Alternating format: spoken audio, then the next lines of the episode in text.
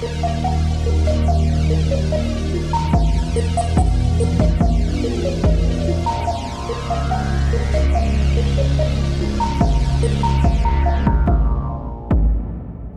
bij aflevering 40 van Moordzaken, de podcast.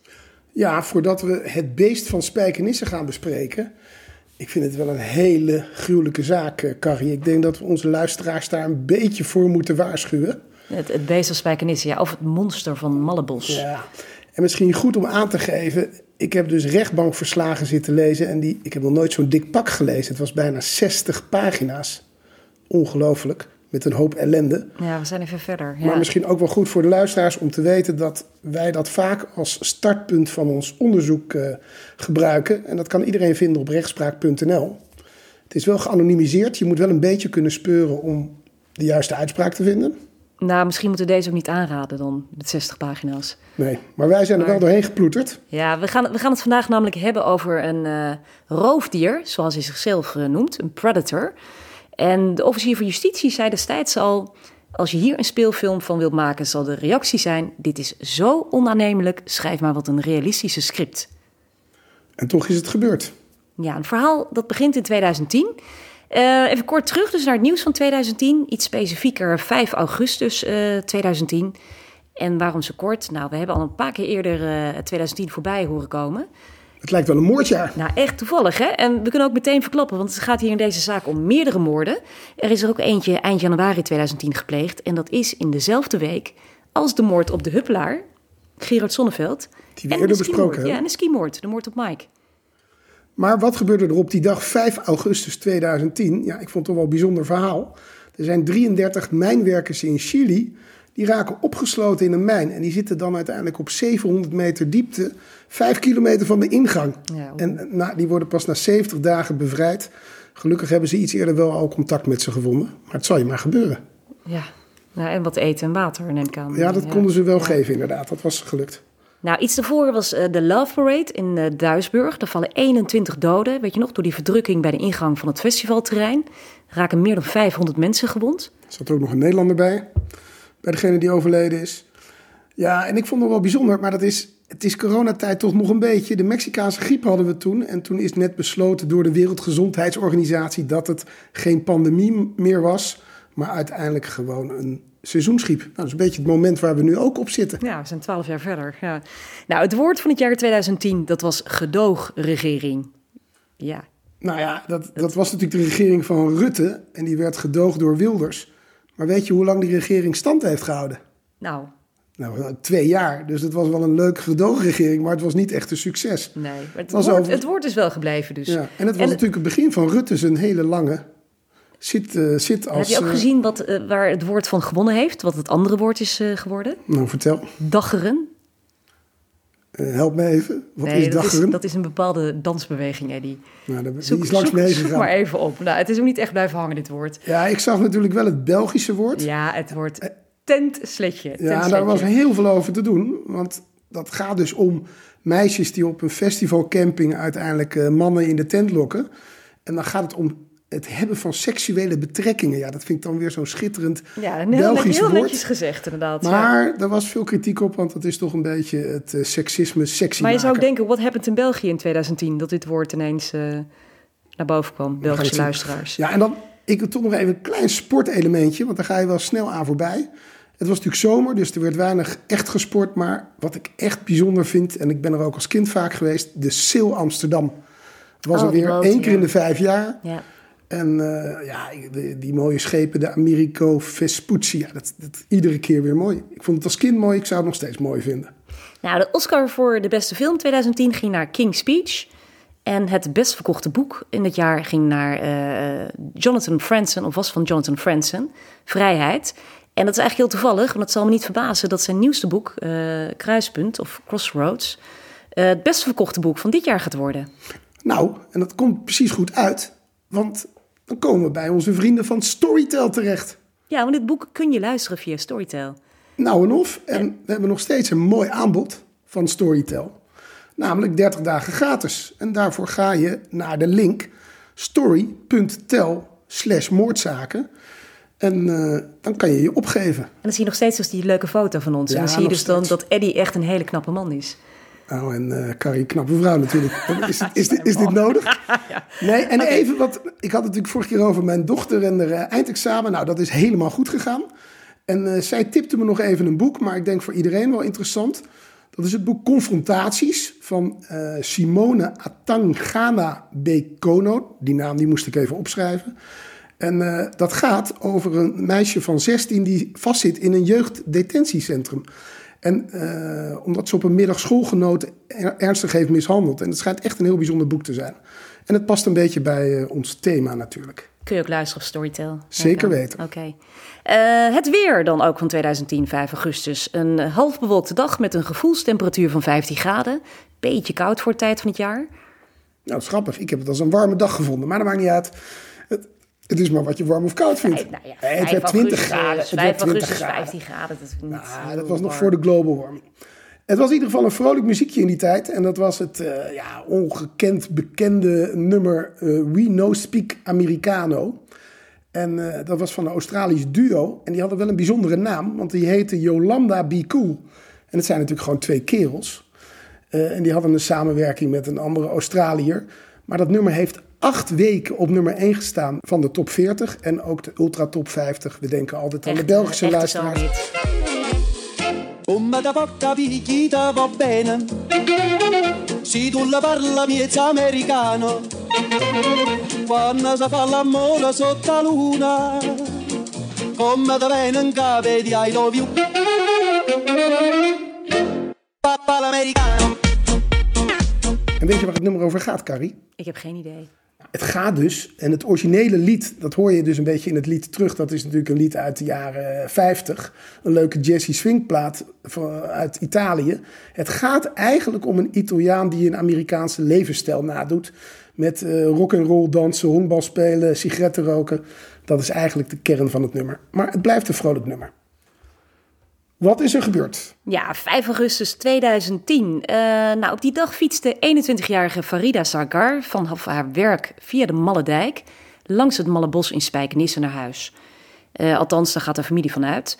Farida komt die dag, uh, die donderdag niet thuis. Nou, ook haar vriend krijgt die dag en avond geen contact met haar. En haar moeder op haar beurt denkt dat Farida die nacht bij haar vriend slaapt. Maar de volgende dag is Farida nog steeds niet terecht en haar moeder doet op 6 augustus aangifte van vermissing van haar dochter. Nou, wat heeft zich die avond ervoor afgespeeld? Farida is om 12 eh, over 5 vertrokken van haar werk in Spijkenisse. Ze had met haar vriend afgesproken dat ze die avond naar hem toe zou komen en uh, hij heeft haar rond half acht gebeld, maar Farida nam niet op. Nou, hij heeft het nog twee keer geprobeerd, uh, zonder resultaat en de volgende dag stond haar telefoon uit. De lijn was dood. Nou, er is er een collega van Farida die heeft verklaard dat hij haar op 5 augustus tussen 5 uur en kwart over 5 voor het laatst heeft gezien. Ze fietste toen vanuit haar werk richting uh, het Mallebos. En uh, Farida's vriend die wist dat ze daar vaak naar haar werk ging wandelen of muziek ging luisteren. En haar vriend die echt radeloos is, die begint dus na haar verdwijning een zoekactie gericht op het Mallebos. Uh, hij heeft allemaal flyers, hij spreekt daar mensen aan, maar dat levert helaas helemaal niets op. Nee, Stefan heet hij trouwens, leuke jongen van 23 volgens mij. Maar hoe triest, zijn vriendin niet te vinden, geen spoor. Uh, ook helemaal geen telefoonconnecties meer, geen uh, pinpasgebruik, gewoon uh, van de aardbodem verdwenen. Nou, dan zijn natuurlijk benieuwd wie is Farida. Ze is 21 en ik denk wel een bijzonder meisje. Ze, ziet er ook knap uit. Komt van origine uit Rusland. Daar is op 18 december 1988 geboren.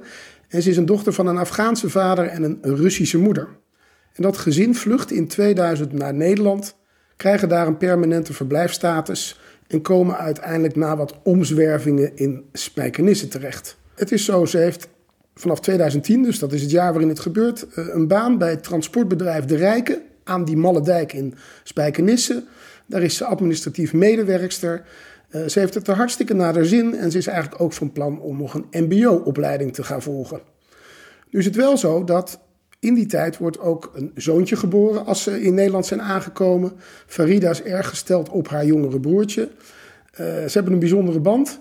Maar de band tussen die ouders is minder, want in 2008 is vader alweer teruggegaan naar Afghanistan. Uh, de vraag is even waarom. Mogelijk om zijn vaderland te dienen. Er is eigenlijk niet zoveel over uh, bekend. Het is wel zo dat de moeder, Katja, die blijft achter met de twee kinderen. En Farida zelf, ze is goed ingeburgerd. Ze spreekt uh, gewoon goed Nederlands. En heeft dus sinds kort die leuke vriend. Ja, volgens mij hadden ze zelfs plan om te gaan samenwonen. Ja, het staat niets in de weg eigenlijk, zo lijkt het. Maar ze is dus inderdaad verdwenen en de recherche komt ook niet verder. Ze gaan alle scenario's natuurlijk onderzoeken. Uh, nou ja, van zelfmoord uh, tot het scenario dat Farida door haar vader, haar Afghaanse vader, is ontvoerd. Ja, dat is iets wat haar moeder bijvoorbeeld denkt, dat ze ja. uitgehuwelijkd zou kunnen zijn. Ja, dat scenario, dat, dat hebben ze natuurlijk ook helemaal onderzocht. En daar is, uh, nou, is maar helemaal onderzocht. Gevonden. Ze hebben de reisbewegingen ja, gecheckt. Ja, de vluchten. Ze hebben ook die vader wel uh, opgespoord. Maar er komt niets uit. En Farida blijft vermist uh, na haar fietstocht langs die Malle Ja, de Malle Veldwerk. Ben je er geweest? Ik, uh, ik heb het op het vizier, zullen we maar zeggen. nee, ja, Spijkenisse is natuurlijk een plaats onder de rook van Rotterdam, zoals dat zo mooi heet. Uh, het ligt overigens op het eiland Putten, dat is nog net Zuid-Holland. soms heb je niet door waar Zuid-Holland eindigt en waar Zeeland begint. Het is natuurlijk aan de oevers van de Oude Maas. Maar in de loop der tijd is dat echt een serieus grote plaats geworden. Je moet bedenken dat dat in de jaren 60 was dat een overloopstad van Rotterdam. Vind ik ook een mooi woord. Overloopstad. Had ja. bijvoorbeeld het woord van het jaar in 1965 mm, kunnen zijn. Ja. Maar dat betekent dat er ondertussen ruim 70.000 mensen wonen in Spijkenisse. Nou, en als je dat uh, bekijkt, dan wordt dat in het westen begrensd door die Malle Dijk. En die Malle Dijk is een belangrijke oude dijk, nou, bestaat al heel lang. En het is natuurlijk zo dat, uh, behalve die dijk, is er een mooi bos. En dat is het Malle Bos. Dat is natuurlijk ook vernoemd naar die dijk. De dijk was er eerst, er waren eerst weilanden, er is later een bos gekomen. En dat is niet even een klein bos. En dan zou je zeggen, hoezo moet ik weten hoe groot dat bos is? Nou, dat is wel belangrijk in deze zaak. Dat is een bos van 52 hectare. Nou, dan moet je denken aan ongeveer 35 voetbalvelden. Ja, dat is een serieus bos. Ja. Het is een heel gevarieerd loofbos. Hè, dus uh, geen, geen uh, naaldbomen, maar gewoon mooie eiken, beuken. Uh, het is een, een, boom en een struiklaag. Het, is, ja, gewoon, het, het, lijkt wel een beetje op een tropisch bos als je op de plaatjes kijkt. Gewoon een, een gewoon dicht bos. Je zult er nu maar wandelen met je hond en deze podcast aan het luisteren zijn. In het Malle Bos. Ik zou me dan toch minder prettig voelen. ik zou even rechtsomkeerd maken nu. Want uh, ja, aan die Malle Dijk gebeuren meer dingen. Nou ja, het bijzondere is inderdaad... een half jaar eerder, uh, dus ook daar in die buurt in Spijkenisse... op 28 januari 2010...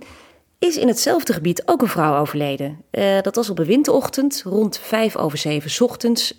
komt er een voorbijganger met zijn scooter over die Malle Dijk... in die richting van het industrieterrein... En wanneer hij daar voorbij scootert, ziet hij op een bevroren sloot aan de linkerkant van de Malle Dijk een fiets liggen waarvan het achterlicht nog brandt. Nou, hij ziet ook aan diezelfde kant van de weg, vlak bij de fiets, een, een grijze tas liggen.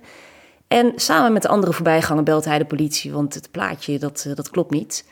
Nou, de politie is snel te plekken, vindt daar in de buurt van de tas ook twee wanten. En de voorbijganger, dat vond ik ook wel heel frappant, die herkent die wanten van een vrouw die hij daar vaker ziet fietsen. Ze zijn namelijk van de 43-jarige Nanda Kerklaan en die is deze ochtend, zo blijkt, niet op haar werk verschenen. Nou, Nanda zelf is nog spoorloos, hè. ze vinden alleen haar fiets en haar spullen. En rond kwart over acht start de politie een grote spuuractie naar Nanda. Nou, ze zetten daar speurhonden in en het duurt niet lang voordat ze dus 30 meter verderop in een sloot aan de overkant gevonden wordt. En uh, dat is ook langs uh, de andere zijde van de Malledijk, dus achter een aantal woningen. Ik denk dat we even een foto op Insta posten van die precieze ja, plekken. Die kunnen we laten zien. Ja. Het is zelfs zo, ze wordt achter het huis van de familie Ooms gevonden. En ze ligt daar in een sloot, onder een soort vlonder. En inderdaad, uh, verspreid 100 meter daarvan af lag de fiets. En de persoonlijke spullen lagen weer aan de andere kant van het huis. Dus het is wel een beetje bijzonder. Uh, maar dan denken ze toch, en dat vond ik wel uh, frappant... ze denken in eerste instantie toch bijvoorbeeld aan een ongeluk. Ja, ze is, ze is nog ook nog in leven. Hè? Ze is Ja. heel slecht aan toe. Ze heeft een, een grote wond op haar hoofd. Ze is zwaar onderkoeld. En ter plekke wordt ze dan nog, ook nog eh, gereanimeerd. En vervolgens naar het ziekenhuis vervoerd. Eh, er, zijn, er zijn twee getuigen. Die hebben daar eh, eh, die ochtend ook eh, rondgereden. En die verklaren dat ze in die vroege ochtend twee mannen op de Malle Dijk achter elkaar aan hebben zien lopen. Maar verder is er geen getuige die iets heeft gezien wat er met Nanda is gebeurd. Alleen haar buurvrouw die heeft haar die ochtend rond kwart over zes van huis aan die Bramengaard spijkenissen zien vertrekken. Maar er zijn verder geen aanwijzingen die kunnen vertellen wat er gebeurd is. Dus eh, ze moeten doen eigenlijk met haar letsel. Dat wordt onderzocht door een forensisch arts. Ja, en wat ze dan denken is dat dat hersenletsel ervoor gezorgd kan hebben dat ze nog naar die andere sloot gekropen is. Dat dat uiteindelijk de afstand zou verklaren tussen de fiets en waar ze gevonden is. Maar de, de buurtbewoners en mensen in die omgeving vinden dat uiteindelijk toch wel een hele bijzondere conclusie dat het een ongeluk zou moeten zijn. Ja, ze overlijdt uiteindelijk ook. Hè. Ze overlijdt op 2 februari en dan wordt er inderdaad ook sectie eh, op haar lichaam uh, gepleegd. En dan constateert die patholoog ook dat de letsels eigenlijk het gevolg, gevolg zijn geweest van heftig mechanisch botsend geweld, hè, zoals het mooi heet. Uh, en dat past bij, maar is niet te bewijzen bij een eenzijdig fietsongeval. Ja. Nou ja, uh, dit heb je ook gelezen. Haar bovenlichaam is zwaarder beschadigd, maar haar onderlichaam helemaal niet. En haar fiets ook niet. Nee, maar misschien even goed om wat meer over Nanda Kerklaan uh, te vertellen. Ze is 43, ik weet niet of je dat al gezegd had. Maar ze is verstandelijk gehandicapt. En ze was die ochtend onderweg naar haar werk. En dat was de sociale werkplaats, de Welplaat. Voor de rest, ja, heel onfortuinlijk. Heel, heel, heel droevig zelfs. En eigenlijk toch wel even een mysterie van wat daar dan precies gebeurd ja, is. Dus die technische recherche, die forensische opsporing, die gaat natuurlijk op die plek waar Nanda aan een fiets zijn gevonden, uh, die plek gaan ze onderzoeken. Uh, de verkeerspolitie komt er ook aan te pas, maar inderdaad, wat ik net al zei, geen schade aan de fiets, geen rare weersomstandigheden, geen sporen van een ander voertuig. Um, dus is ook niet uh, vast te stellen waarom Nanda dus 30 meter verderop in een andere sloot is terechtgekomen. Want het is eigenlijk, gezien die verwondingen, is het onmogelijk dat ze daar zelf naartoe is gekropen. Nee, en dan natuurlijk in het achterhoofd dat zes maanden later natuurlijk Farida vermist was. Dus allemaal rond die malle dijk. Ja. Moeten we nog even iets over die getuigen zeggen? Die twee getuigen die, uh, die daar ochtends waren. Er was er eentje om rond tien over half zeven. Die reed over de malle dijk met, uh, met de bronfiets. En um, nou, die vrouw is, kunnen we nu wel stellen, eigenlijk aan een, uh, hoogstwaarschijnlijk aan een gruwelijke dood ontsnapt die ochtend. Uh, die reed namelijk over die malle dijk en die zag die twee mannen die achter elkaar over die weg liepen. En een van die mannen, de achterste, die heeft er nog geprobeerd om haar te pakken. Die heeft dan met de hand aan haar capuchon gezeten. En ze is heel hard doorgereden. Had dus heel anders af kunnen lopen.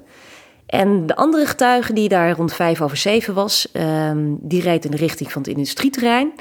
Die zag ook die twee mannen tegemoet lopen. En uh, ja, die zei, de voorste man was rond 1,70, uh, smal ovaal gelaat. De achterste man was iets langer, uh, 1,80. Maar volgens mij is er nooit echt onderzoek naar deze mannen gedaan. Heb ik nooit iets over terug kunnen vinden. Nee, maar de profielen moet je wel goed onthouden, zou ik zeggen. Twee hele bijzondere zaken eigenlijk op een plek heel dicht bij elkaar. Maar ze worden niet aan elkaar gelinkt? Nee, niet, niet direct. Ik denk ook omdat ze denken, dus Nanda, uh, dat, dat is natuurlijk gesloten na een aantal maanden. Omdat ze dus niet zeker weten of dit een, een, een misdaad is geweest of dat het inderdaad een ongeluk is geweest. Maar dan nemen deze zaken, in ieder geval in mijn ogen, een bizarre wending. Want wat gebeurt er op 9 november 2010? Dus dan praten we over een paar uh, maanden nadat uh, Farida vermist is. Dan is er iemand die in de brievenbus van het politiebureau in Spijkenisse een identifier en een bankpas op naam van Farida uh, deponeert. En gelukkig hebben die politiebureaus camera's, dus uh, het wordt uh, uiteindelijk vastgelegd dat een magere man met dunne benen om acht minuten over drie s'nachts iets in die brievenbus gooit. Nou, en die beelden worden uiteindelijk vertoond in opsporing verzocht. En je zou zeggen, daar zou toch iemand iets moeten herkennen, maar dat levert op dat moment nog niet een heel concrete aanwijzing op. Op zich ook een rare actie, hè? Komen we denk ik later even op terug. Heel bijzonder. Maar niet veel later, in dezelfde maand, uh, vinden de baggerwerkzaamheden plaats in de sloot bij het Mallebos. En wat gebeurt daar? Daar wordt de fiets van Farida gevonden. En dat was al een bijzondere fiets, want hij was voor een klein meisje relatief groot. Dus hij wordt uh, in die zin uh, herkenbaar. Maar die baggermensen die dat werk doen, ja, die, die herkennen dat niet. En die plaatsen die fiets tegen een boom. En het is uiteindelijk een voorbijganger die die fiets ziet staan en die de politie waarschuwt. En ja, daar, die herkende, herkende die, ook de Die fiets. herkende ook echt die fiets. Dat die van Verida was, ja. vond ik ook heel knap namelijk. Ja. Dus nu begint het balletje te rollen, zou je zeggen. Maar wat bemoeilijkt nou het onderzoek verder? Dat is dat het uh, gesneeuwd heeft en de grond is bevroren. Dus in dat malle bos kunnen ze niet heel makkelijk verder graven. En er zijn vervolgens ook deskundigen die zeggen: als je wil graven in het bos en je wil de bodemverstoringen zien, dan moet je dat eigenlijk in het vroege voorjaar doen. Dat is de tijd van het jaar om uiteindelijk te kunnen zien uh, of er misschien dingen in de grond zijn uh, gestopt. Nou, en dan komt er een enorme zoekactie in maart 2011. En dan hebben we het over 80 militairen die zich daarmee bezighouden. En daar zitten dus mensen bij die gespecialiseerd zijn in het detecteren van mijnen. En ik begreep ook, en dat vond ik wel bijzonder, als, dan moet je dus 80 militairen voorstellen die zo'n gigantisch bos aan het uitkammen zijn. En die lopen dan in rechte lijnen, want ja, je moet natuurlijk geen enkel plekje missen. Dus of het nou doornstruiken zijn of onbegaanbare plekken, ze lopen in een kaarsrechte lijn. Ze laten zich door niets tegenhouden. En ze kijken ook hè, naar elke geknakt takje precies, waarom iets verstoord is. Kammen dat hele bos uit. Nou, en het is een beetje teleurstellend. Het is eigenlijk alleen dat ze de sleutelbos vinden van Farida uh, op dat moment. Dus die nou ja, aan de andere kant is ook weer, weer een doorbraak. Hè? Dus als er een sleutelbos is en haar fiets, uh, duidt erop dat Farida waarschijnlijk ook wel in de buurt is. Ja, maar ze vinden er op dat moment in ieder geval niet. En het rare is dan ongeveer tegelijkertijd met die fonds van Farida Sleutelbos, ook in maart, uh, gebeurt opnieuw iets vreselijks in Spijkenisse. Het is echt wel heel bizar. Het is de derde keer. Uh, dit keer in de wijk Sterrenkwartier is op 24 maart 2011 is er een Poolse man van 40. Uh, en die man die is meerdere malen met een ijzeren staaf op zijn hoofd geslagen. Hij is beroofd, hij had een koffer bij zich uh, met geld. een laptop, ook een laptop, ja, die is allemaal meegenomen. Hij is zelf voor dood achtergelaten, maar hij heeft het overleefd. ten nauwe nood. Hij gaat wel eens gehandicapt door het leven. Maar hij, hij, kan helemaal niets meer. Hij heeft zelfs een briefje bij zich waarop geschreven staat hoe zijn kinderen heten. Dus hij, uh, nou, het is ook niet bekend dus wie die man zo heeft toegetakeld. Maar, maar het was wel weer in Spijkenissen. Nou. Ja, en dan denk ik echt, de, de grote doorbraak is als op 13 oktober 2011 er op dezelfde avond een aantal straatroven plaatsvinden. En, en de belangrijkste daarvan is eigenlijk dat er een, uh, een jonge vrouw is die daar uh, fietst. En die wordt uiteindelijk van haar fiets getrokken. Iemand anders ging trouwens voor haar staan en bedreigt haar met een vuurwapen en zegt: Stoppen of ik schiet je dood. Ja, een heftige, brute straatroof. Het is wel zo dat ze uiteindelijk haar mobiele telefoon weten af te pakken. Gelukkig heeft ze, is ze eraan ontsnapt. Maar ja, eh, een brute roof. En dat was volgens mij niet de enige roof die avond. Nee, ze hebben het eerder al eh, geprobeerd en dat is mislukt. De eerste keer is het mislukt. De tweede keer was inderdaad die vrouw waar ze die telefoon uh, van uh, afgepakt hebben. En daarna probeerden ze nog voor een derde keer. Um, nou, alleen die derde keer, dat is uh, ook mislukt. En de man die ze toen wilde beroven, nou, dat was ook geen onbekende. Sterker nog, die man die kende deze twee mannen. En hij wijst dan ook de politie naar de woning aan een Venenstraat, waar een van deze mannen woont. Nou, de politie die gaat dan naar die woning. Die komen bij een schuurtje waar die twee mannen staan. Nou, je voelt hem aankomen. Uh, die mannen worden aangehouden. En het zijn de 34-jarige Patrick S. En zijn veel jongere vriend Timothy S. Ja, en ze gaan direct het huis doorzoeken. Ze gaan bijvoorbeeld kijken of ze die mobiele telefoon kunnen ja, vinden. Ja, dat mag dan ook. Hè? Want als je inderdaad als je een telefoon hebt gejat... Uh, dan mag je dus een huis gaan doorzoeken. Want dat mag niet zomaar natuurlijk. Ja, nou, en dat komt goed uit. Want wat vinden ze? Het is ten eerste als ze daar binnenkomen het is alsof er iemand, je hebt dat programma op televisie dat mensen een hobby hebben en hun hele huis vol zetten en van alles verzamelen. Hoorders. Nou, ja. Ja. Nou, dit, dit lijkt op iemand met verzamelwoede. Ja, het is gewoon echt, het is gewoon creepy eigenlijk ja, als je het ziet. We zullen, er, we, we zullen er een plaatje van delen.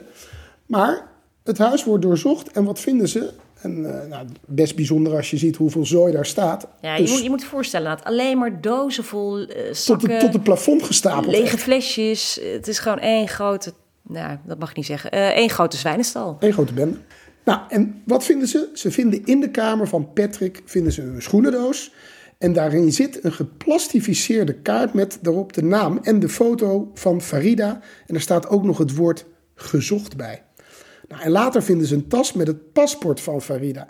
En om het niet nog bijzonderder te maken, een, metro, hè, de krant van die 5 augustus 2010. Ja, nog veel meer. Nog veel meer, maar dit, maar dit is al heel erg duidelijk. Ja. Nou, en dan inderdaad een horloge, een armband en nog een klein mesje en nog een stukje van een ketting. Uh, en uiteindelijk ook sieraden. En ze vinden uiteindelijk ook nog een uh, bloedspoor op de jas van Patrick. Uh, dat overeenkomt met het DNA-profiel van Farida.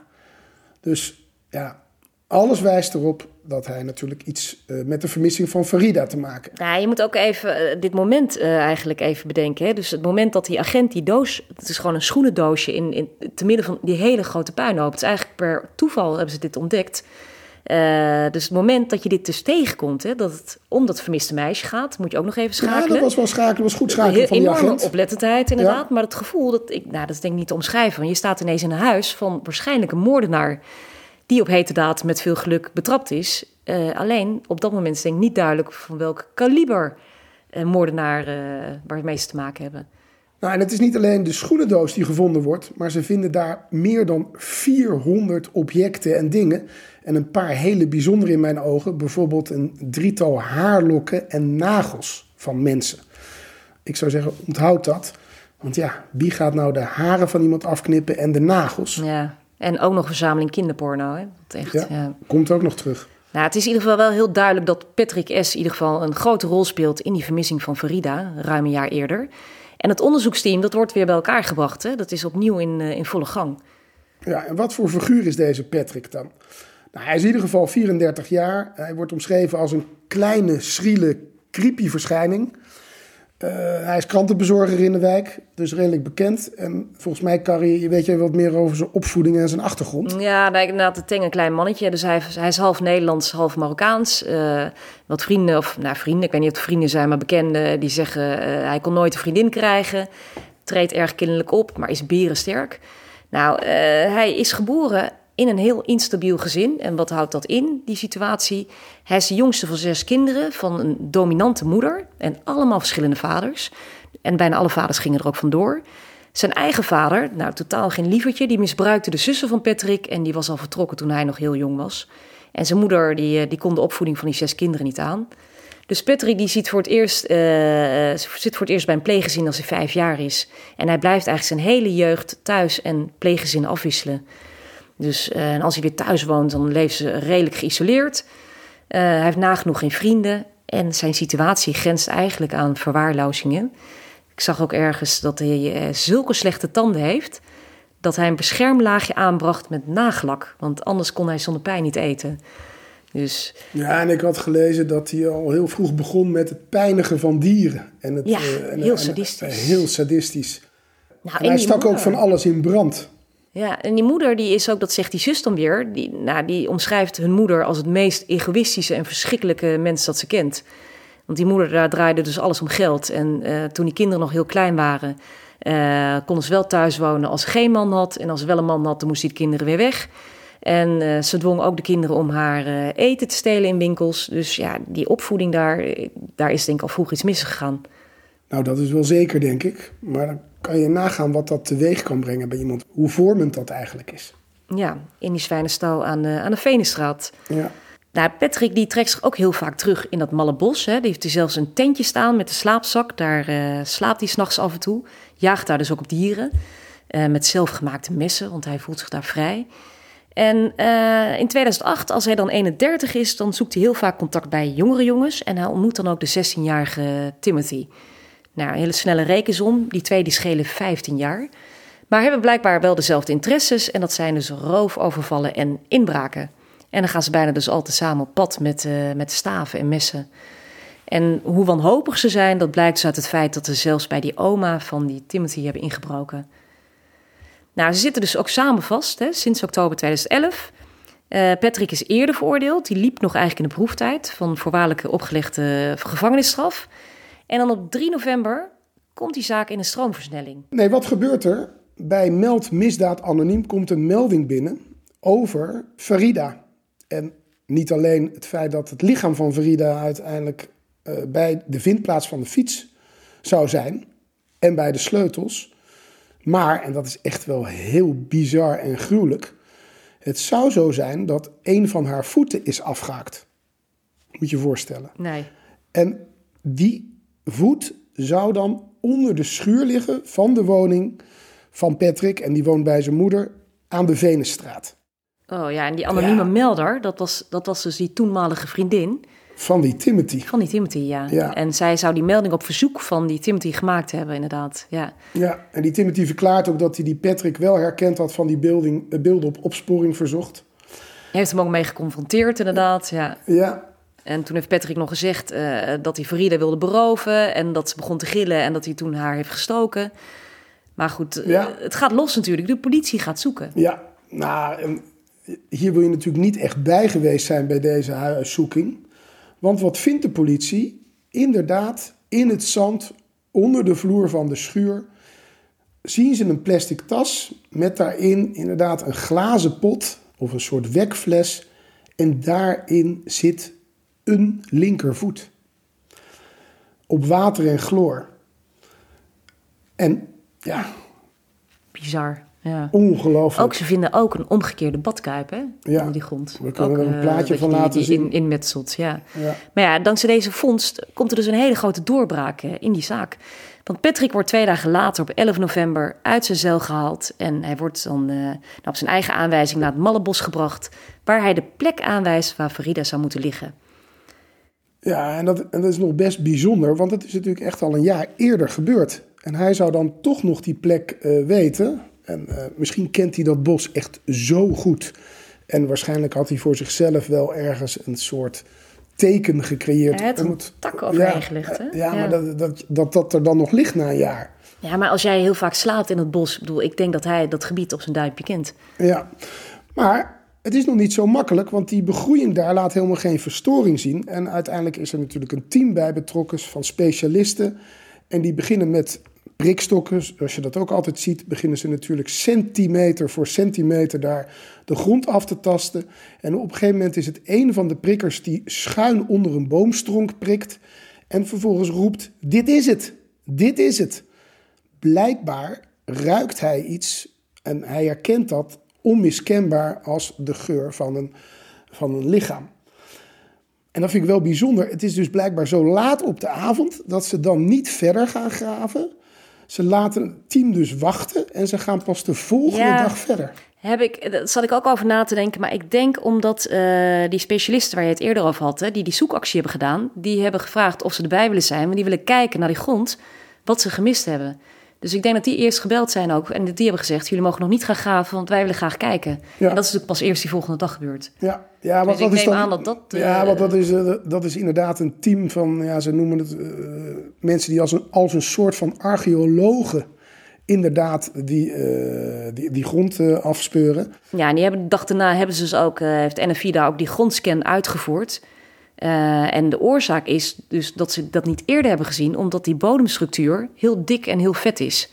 Nou, ik ben geen specialist, maar Nee, dat maar- schijnt dan. Ja. Ja, maar na uren van eh minutieus daar de grond openmaken, zien ze inderdaad de contouren van het lichaam. En je gelooft het niet, de linkervoet ontbreekt inderdaad. Dus het is met 100% zekerheid de linkervoet van Farida die onder de schuur van Patrick lag. Ja, Ja, ze hebben ook natuurlijk haar eh, meteen onderzocht. En het blijkt dus dat er meerdere malen met een mes op haar is ingestoken. En dat ze dus waarschijnlijk gewurgd is. Over seksueel misbruik. Ja, ik las er verschillende verhalen over, maar dat was niet aantoonbaar. Nee. Het is overigens wel zo dat het goed mogelijk is dat die voet er pas afgehaald is nadat ze overleden was. Nou, dat is vrij zeker. Ja. Ja. Ja. en er mist een stuk van haar bil. Dat vond ik ook heel eh, akelig. Maar dat kan ook verloren zijn gegaan onder de grond, zeggen ze. Dus dat, is, eh, dat ja, hoeft nergens op te duiden. Ehm, nou ja, dat betekent wel dus eindelijk dat ze gevonden is. En dat is na een anderhalf, bijna anderhalf jaar... dus die zoektocht naar Farida eh, ten einde is. Heel heftig ook weer voor die nabestaanden natuurlijk.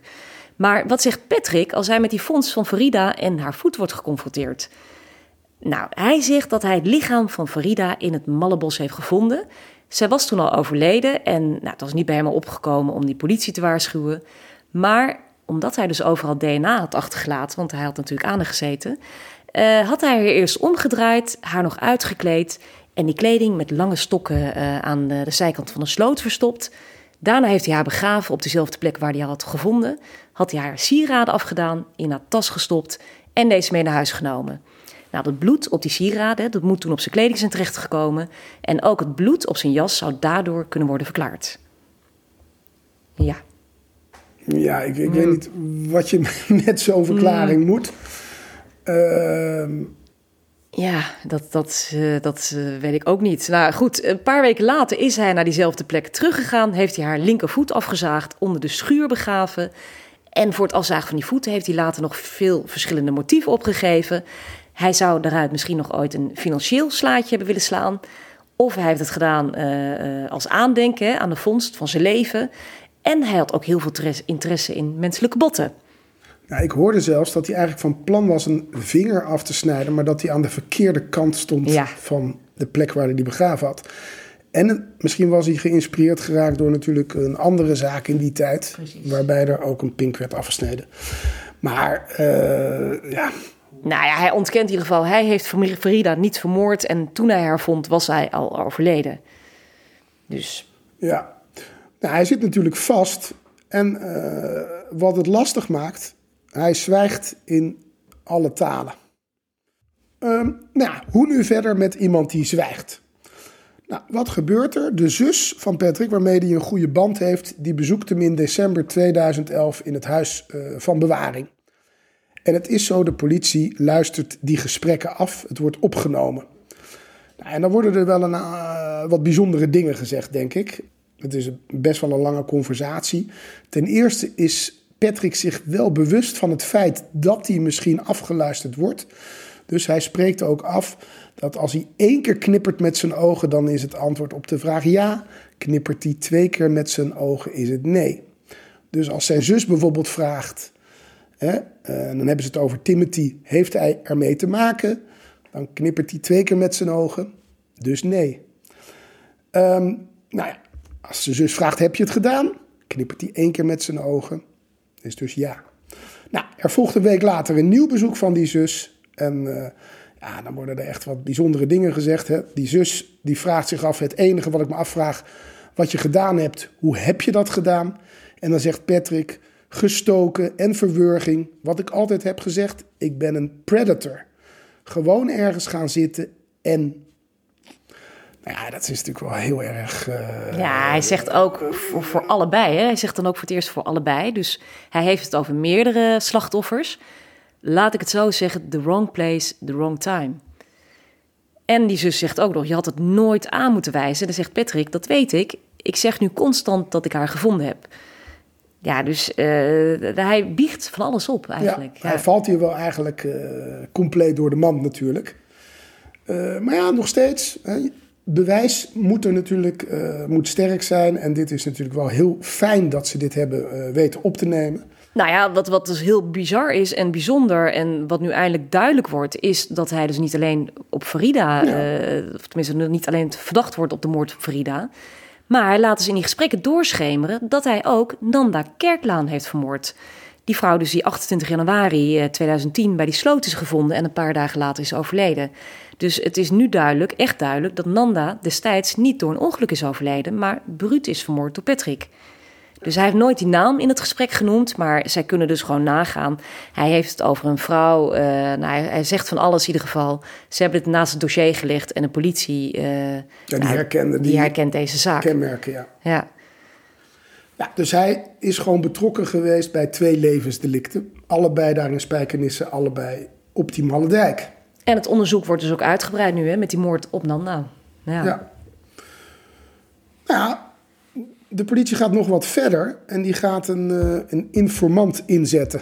En dan hebben we het over uh, juli, augustus 2012. Politieman A 3482. En ondertussen zit Patrick in het huis van bewaring in Vught. En het idee is dat die informant hem aan het eh, praten moet krijgen. Nou, en dat lukt, want tegenover die informant noemt Patrick de moord op Nanda de perfect crime.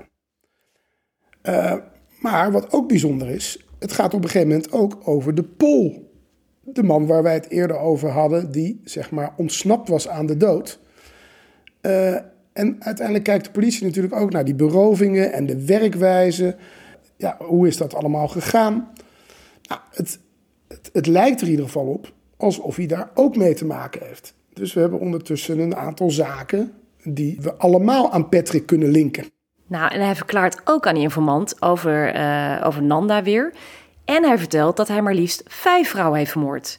Dus het is dan ineens van twee, wordt het uitgebreid naar vijf vrouwen. Alleen is het een groot vraagteken wie hij naast Nanda en Farida nog meer heeft vermoord. Dus wat gebeurt er dan? Nou, de politie doet een groot onderzoek, hè, want we hebben die haarlokken nog, die nagels. Die worden dus gekoppeld aan vermiste personen. Nou, daar komt helaas geen match uit. En uh, daar hadden wij het volgens mij al een keer over. Hè, waarom je niet het DNA van die haarlokken uh, beter kan onderzoeken. Ja, want... zeker. Met de huidige uh, kunde. Ja, en trouwens, ik... dit is ook niet een mega oude zaak. Dus nou, ik, ook... heb, ik heb wel nagekeken. Want wat natuurlijk wel het geval is... Um, volgens mij nog steeds op dit moment... kan er dus alleen maar DNA-profiel uit haarlokken worden gehaald... als er nog een haarwortel aan zit. En dat is, was hier niet het geval. Dus je kan wel die deeltjes, daar kun je DNA uithalen... maar dat kan alleen gebruikt worden om mensen uit te sluiten. Volgens mij bij de nagels heb je dat Dat is ook met die zaak uh, geweest uh, van Johnny W. Dus die cellen waar die haren uit bestaan, die bevatten dan mitochondriaal DNA. En dan uh, met behulp van dit DNA kan geen volledig profiel worden opgesteld dat de persoon kan identificeren. Ja. Dus. Nou ja, het blijft natuurlijk een raar idee dat daar haarlokken van een aantal mensen, drie mensen zijn en nagels. Dat, dat zijn natuurlijk een soort reliquieën. Nou ja, en al die, die, die meer dan 400 spullen. Hè? Dus die worden natuurlijk ook allemaal uh, uh, aan vermiste personen, aan familieleden getoond. Er zijn 1500 opkopers van tweedehands uh, goederen bezocht. Uh, die spullen zijn natuurlijk allemaal laten zien bij Opsporing Verzocht. Je kunt ze tot op de dag van vandaag nog op de site vinden van Opsporing Verzocht. Sabree heet het, ja. naar een, een stad in Kentucky. We zullen er een linkje op zetten, want het viel me op dat daar best wel een aantal juwelen tussen zitten... die niet uh, heel standaard zijn. Best wel bijzondere juwelen met ja. aparte afbeeldingen. Ik kan me echt voorstellen dat iemand dat zelfs jaren later nog wel herkent... als zijn eigen bezit of misschien een familiebezit. Ja, maar ik zou ook, als bij mij een overval gepleegd zou worden of een beroving, ik zou niet zo snel op opsporing verzocht op een site gaan kijken. Ja, dus misschien door onze aandacht. Tip, goede tip, ja. Door onze ja. aandacht. Nou ja, en ze gaan dus ook weer opnieuw in april 2013 die uh, woning bij de Venenstraat in Spijkenisse onderzoeken. Die staat inmiddels leeg. Uh, de moeder is door de woningcorporatie uit het huis gezet. En uh, de politie gaat ook die hele tuin omspitten, want ze willen echt zeker weten dat daar helemaal niets te vinden is. Want ze vermoeden dat er misschien toch iets van een aanwijzing te vinden is die wijst naar een, uh, een andere slachtoffer. Maar ze vinden dus helemaal niets. Nou, dan komen we denk ik al snel bij, uh, bij de rechtszaak in 2013. Nou ja, in aanloop daar naartoe wordt natuurlijk gekeken of uh, Patrick onderzocht kan worden bij het Pieter Baan Centrum. Nou, daar wil hij niet echt aan meewerken, ja, heel selectief en beperkt. Nou ja, dat zorgt ervoor dat ze niet echt daar een conclusie aan kunnen verbinden. Uh, dat betekent natuurlijk ook dat de eis van de officier van justitie kan dan eigenlijk ook niet zijn een uh, TBS. Want uiteindelijk is dus niet vastgesteld dat er uh, sprake is van een bepaalde stoornis. Kan die ook niet behandeld worden. Dat betekent dat de officier van justitie levenslang eist. Ja, die officier van justitie die noemde Patrick ook de verpersoonlijking van de angst in de maatschappij. Hè? Dus iedereen had het slachtoffer kunnen zijn. Want de moorden was een way of life voor hem. Hij staat terecht voor drie zaken. Ja, dat is de zaak Sagar van uh, Farida.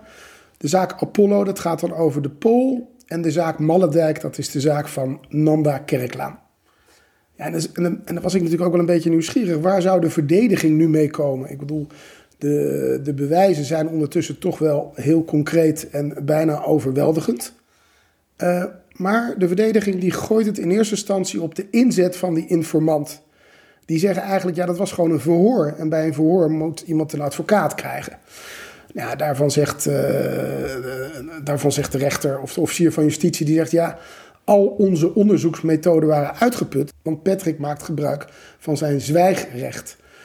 Dus ja, zij zagen gewoon geen andere manier dan uiteindelijk met een informant te werken.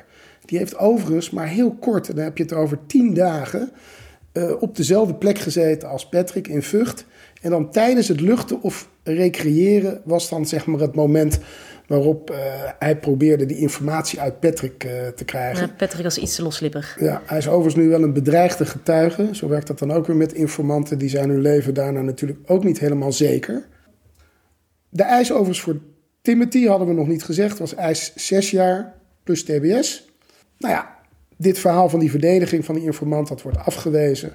Ja, je hebt de bewijzen dus inderdaad, is die informant, die gesprekken die opgenomen zijn met zijn zus en ook de verklaringen van Timothy. Dus de uitspraak uiteindelijk, ja, ze gaan mee met de eis van, de, uh, van het OM, hè, levenslang.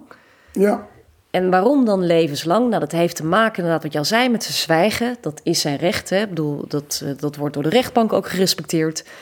Maar daarmee, en ook niet door mee te werken aan, aan het onderzoek in het Pieter Centrum, ja, daarmee uh, geef geen inzicht in je handelen of je motief. En daarnaast toont Patrick geen enkel berouw. Nou, sterker nog, hij spreekt met trots over zijn daden. Ja, hij heeft het over de perfecte moord. En hij weet hoe dat uitgevoerd moet worden. En dat doet hij al jaren. Nou, dat vind ik heel zorgelijk.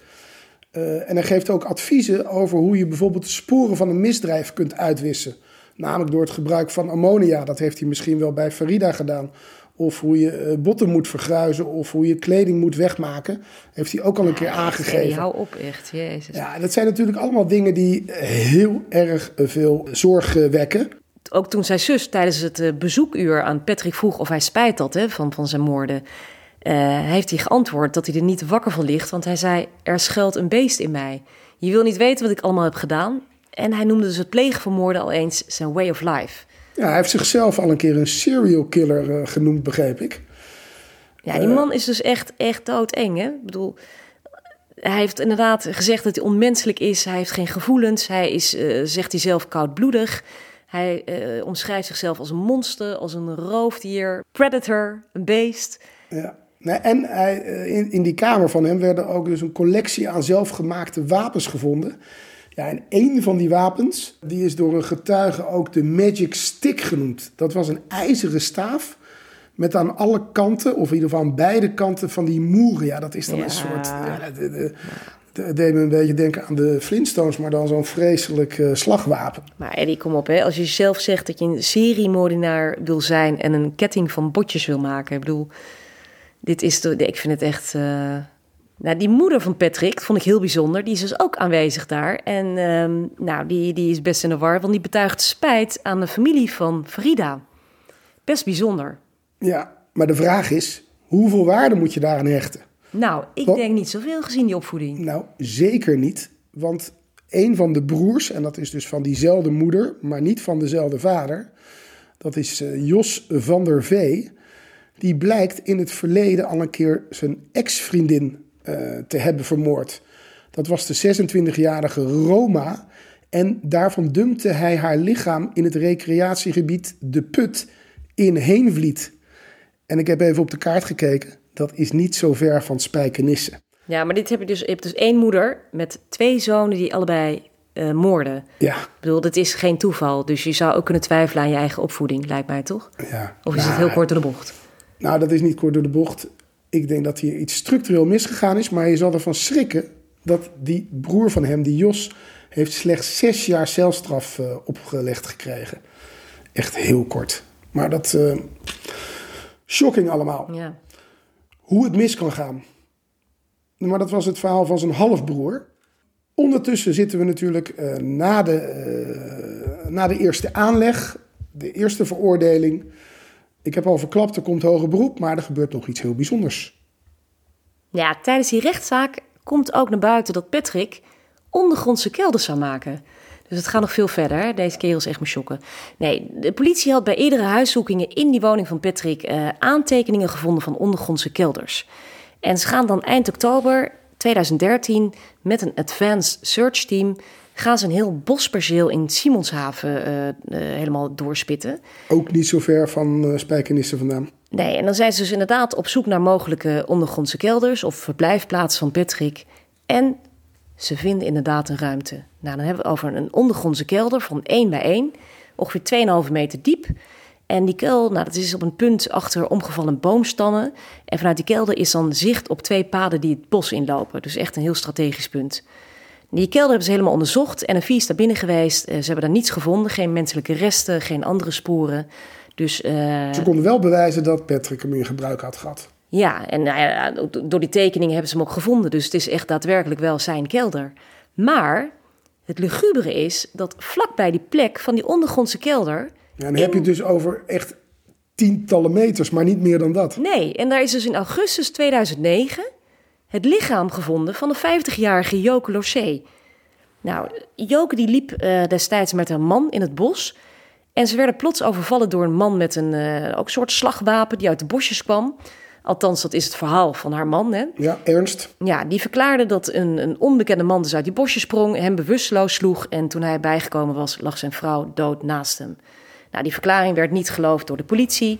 Eh, Ernst, haar man, is dus uh, gearresteerd voor de moord op zijn vrouw. Zal denk ik ook niet helemaal zonder reden zijn. Maar eind november 2013 wordt Ernst, de man van Joke, plotseling weer vrijgelaten. Hij blijft wel verdachte, maar ook Patrick komt nu dus als verdachte in beeld. Ja, want hij wordt vrijgelaten ergens omdat er dan toch gebrek aan uh, bewijs is. Maar ook omdat ze natuurlijk die diepe kuil hebben gevonden van Patrick daar in de buurt. Uh, en maar... Ja, het is wel, volgens mij checken ze het meteen. Hè? Dus dat signalement van, uh, want die man van die Ernst, die gaf dus een signalement op van die man uit de bosjes. Ja. Komt niet overeen met Patrick. En het mogelijke moordwapen, dus die ijzeren staaf van Patrick, dat past ook niet bij het letsel van Joke. Dus uh, haar man is uiteindelijk toch in hoger beroep tot negen jaar zelf veroordeeld. En daar is hij ook overleden in uh, 2018. En er is nooit echt bewijs gevonden dat Patrick dus deze moord daadwerkelijk op zijn geweten heeft. Nee, en er zitten nog wat vreemde dingen aan. Want er werden bijvoorbeeld kogels gevonden. Maar uh, Joke was niet doodgeschoten, maar doodgeslagen. En dan zou je zeggen, ga dan die kogels nog onderzoeken op afdrukken. Maar die kogels die waren al heel snel uh, niet meer bruikbaar of niet meer gevonden. Dus ja, daar is ook wel heel slordig politiewerk geweest. Uh, maar ze hebben het inderdaad nooit aan Patrick helemaal kunnen, kunnen linken. Um, en ja, hoe droevig. In ieder geval, Ernst kan het niet meer navertellen, is overleden in de gevangenis. Nou, zijn zoon is wel heilig van overtuigd dat zijn vader het heeft gedaan. Hè? Ja, dus ja, dat zal ook wel ergens. Uh, ja, maar het is in ieder geval jammer dat ze die patronen en die schotresten, die, die, ja. die, die, dat ze konden het gewoon niet meer onderzoeken. Het bewijs was vernietigd. Nou, er wordt natuurlijk ook gekeken naar mogelijk andere slachtoffers. Uh, er bestaat een vermoeden dat Patrick iets te maken heeft met de verdwijning van de, de toen 63-jarige Adrie Knops, ook uit Spijkenisse. En dat is een bizar feit, is dat precies een jaar na zijn verdwijning, want hij is dus ook nooit gevonden, uh, heeft zijn familie een aanzichtkaart ontvangen. En de dochter van Adrie, die denkt dus echt daadwerkelijk dat Patrick achter de verdwijning van haar vader zit. Ja, maar dan moet je wel even zeggen dat dat wel een stuk eerder was. Dat was in 2001. En dat vind ik dan nog wel lastig. Ik bedoel, die Patrick heeft in mijn ogen zeker meer uh, dingen op zijn geweten. Maar daar zit dan wel een heel groot verschil tussen qua jaren. En ik ben natuurlijk ook even verder gaan graven in de familie Knops. Uh, het was een leuke gepensioneerde trucker en hij was even met het autootje van zijn vrouw aan het rijden die hij net gerepareerd had. Maar er zijn er ook wel wat andere verhalen die uh, de ronde doen, namelijk dat hij misschien toch iets met drugs te maken had. Maar als hij het dan niet is, zijn zoon Wim Knops is uiteindelijk onder hele verdachte omstandigheden overleden op Curaçao. En wordt daar ook gelinkt aan een, uh, een drugsverhaal.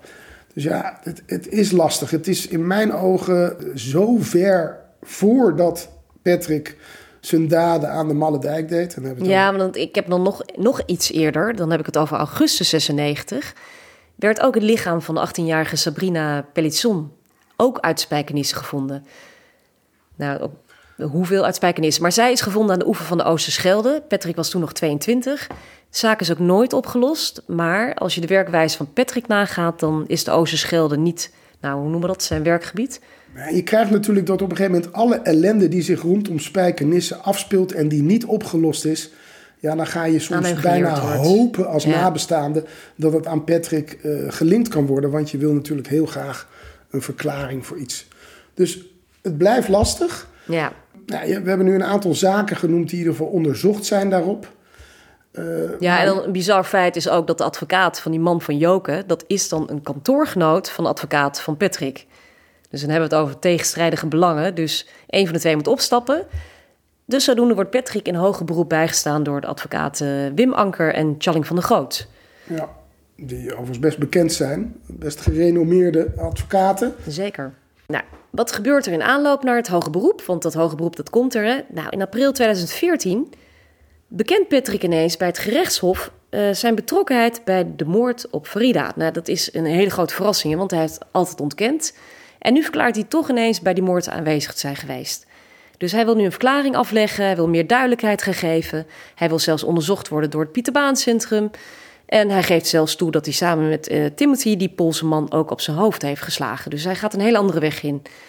Nou, de moord op Farida volgens Patrick. Let op. Hij verklaart. Ik was die ochtend aan het rennen in het Malle Bos. Ik ken het gebied heel goed, hè, want daar bracht er heel veel tijd door. En ik was er aan het trainen om me voor te bereiden voor als er ooit iets zou gebeuren. Vraag me dan ook af wat dan. Dus ik liep met een uitgeklapt mes en een stok in mijn handen. Nou, toen ik die bosjes uitkwam, stond ik ineens voor Farida en we schrokken van elkaar. Zij, zij begon te gillen, niet doen, niet doen. Maar ik was helemaal niet van plan. Dus vervolgens rende zij op mij af, waardoor ik achterover viel en zij bovenop me viel. Er ontstond een worsteling, waarbij ik haar kennelijk een eh, aantal keren heb geraakt met mijn mes, terwijl ik mijn greep, uit mijn greep probeerde los te komen, want ze had namelijk mijn linkerarm vast. Ehm, nou, ik las dit, Eddie. Ik, dacht, ik, ik moest denken aan, uh, jij kent het geloof ik niet, Little Britain. Moet je maar eens kijken, Sir Norman Fry. Nou, ik las dit, ik, ik dacht van dit... Uh, hè, ik loop namelijk ook altijd in een bos op mannen af met een speer en een mes in hun handen. Dan denk ik ook, daar ga ik heel hard op aflopen en daar ga ik bovenop springen. Ja, dit is ook echt een, een bizar verhaal. Ik, ik vind het gewoon een rijke fantasie. Maar ja, ook met zijn advocaat. Ik bedoel, dit is afgestemd. Farida had ook meerdere steekwonden. In, in de hals, in de borst, in de middenreef, zelfs in haar billen. Nou, dat moet dus allemaal per ongeluk zijn gebeurd. En daarna heeft hij haar dus naar die bosrand gesleept. Heeft hij haar bedekt met bladeren. De volgende morgen is hij teruggegaan eh, om die sporen te wissen. Heeft hij haar dus begraven, heeft hij de spullen meegenomen. En is hij vervolgens weer teruggegaan weken later... waar hij toen haar linkervoet heeft afgezaagd... om nog een slaatje uit te kunnen slaan. Nou ja, dit is natuurlijk echt onzin. Het, het heeft hij waarschijnlijk van zijn advocaat moeten zeggen, maar... ehm, Nou ja, ik denk dat de, de nieuwe strategie is natuurlijk dat hij wel gaat praten en wat meer openheid geeft. En inderdaad ook, behalve deze ridicule bekentenis, ook het mee gaat werken aan het eh, onderzoek van het Pieter Ja, Baan. ik begrijp het ook wel, want alles is beter dan levenslang. Precies, want, want moet- ze moeten iets anders doen. is inderdaad echt levenslang. En Ja. TBS is nog een kans op, op terugkeer in, in de samenleving. Ja. En de advocaten hebben deze tactiek eerder toegepast hè, bij, eh, bij Robert M. Dus met, eh, met die, het seksueel misbruik van die jonge kinderen. Die heeft uiteindelijk ook TBS gekregen hiermee. Dus ehm, nou, Patrick die verklaart dus wisselend over Farida's dood. Ook over die identifier, want daar zouden we even op terugkomen. Hè. Die identifier in die bankpas die door die brievenbus van het politiebureau is gestopt. Hij zegt nu, dat heeft hij gedaan om te kijken welke vervolgstappen de politie in het onderzoek zou gaan nemen. Nou, dat is ook een heel rare actie eigenlijk. Maar goed. Ik denk dat we hebben toch te maken met een, een totaal verknipt eh, persoon. Nou ja, uit het onderzoek van het Pieter Baan Centrum blijkt natuurlijk ook aan alle kanten dat eh, nou, hij is laagbegaafd. eh ernstig psychopathologisch beeld komt er naar voren met een complexe ontwikkelingsstoornis. Nou ja, je, alle, alle, alle ellende die je kan voorstellen bij iemand, die, ja, hij die zou zit heel, heel beperkt zijn eigen gevoel- gevoelens en die van anderen kunnen begrijpen. Hè? Dus hij kan situaties inderdaad niet inschatten of overzien. Alles is telkens een verrassing voor hem. Ja, nou ja, dat, dus het, Pieter Baan Centrum adviseert inderdaad een TBS-behandeling. Ja. En ik moet zeggen, dat wordt uiteindelijk overgenomen. De eis van de advocaat-generaal is inderdaad 25 jaar plus TBS. En eh, dat is ook uiteindelijk eh, de uitspraak. Ja, hij wordt veroordeeld eh, inderdaad voor gekwalificeerde doodslag op Farida en Nanda... en een poging tot gekwalificeerde doodslag op de Poolse man.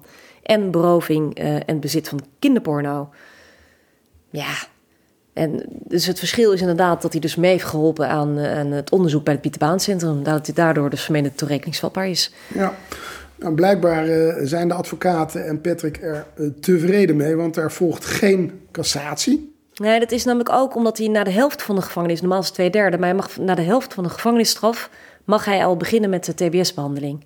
Dus ehm, als je even rekent, even kijken. Maar dat- even wacht even, even serieus, Karin. Je hoopt toch dat deze persoon nooit meer vrijkomt? Nee, maar als je dus rekent, hij zit vanaf oktober 2011 vast. eh, volgens advies van het gerechtshof komt hij in het voorjaar van 2024 vrij en dan gaat hij door naar de TBS-kliniek. Dat is over twee jaar al, hè? Maar goed, daar blijft hij dan, denk ik, ga ik vanuit het hele leven in zitten. Ja. Nou, ik vind, ik vind het echt heel lastig.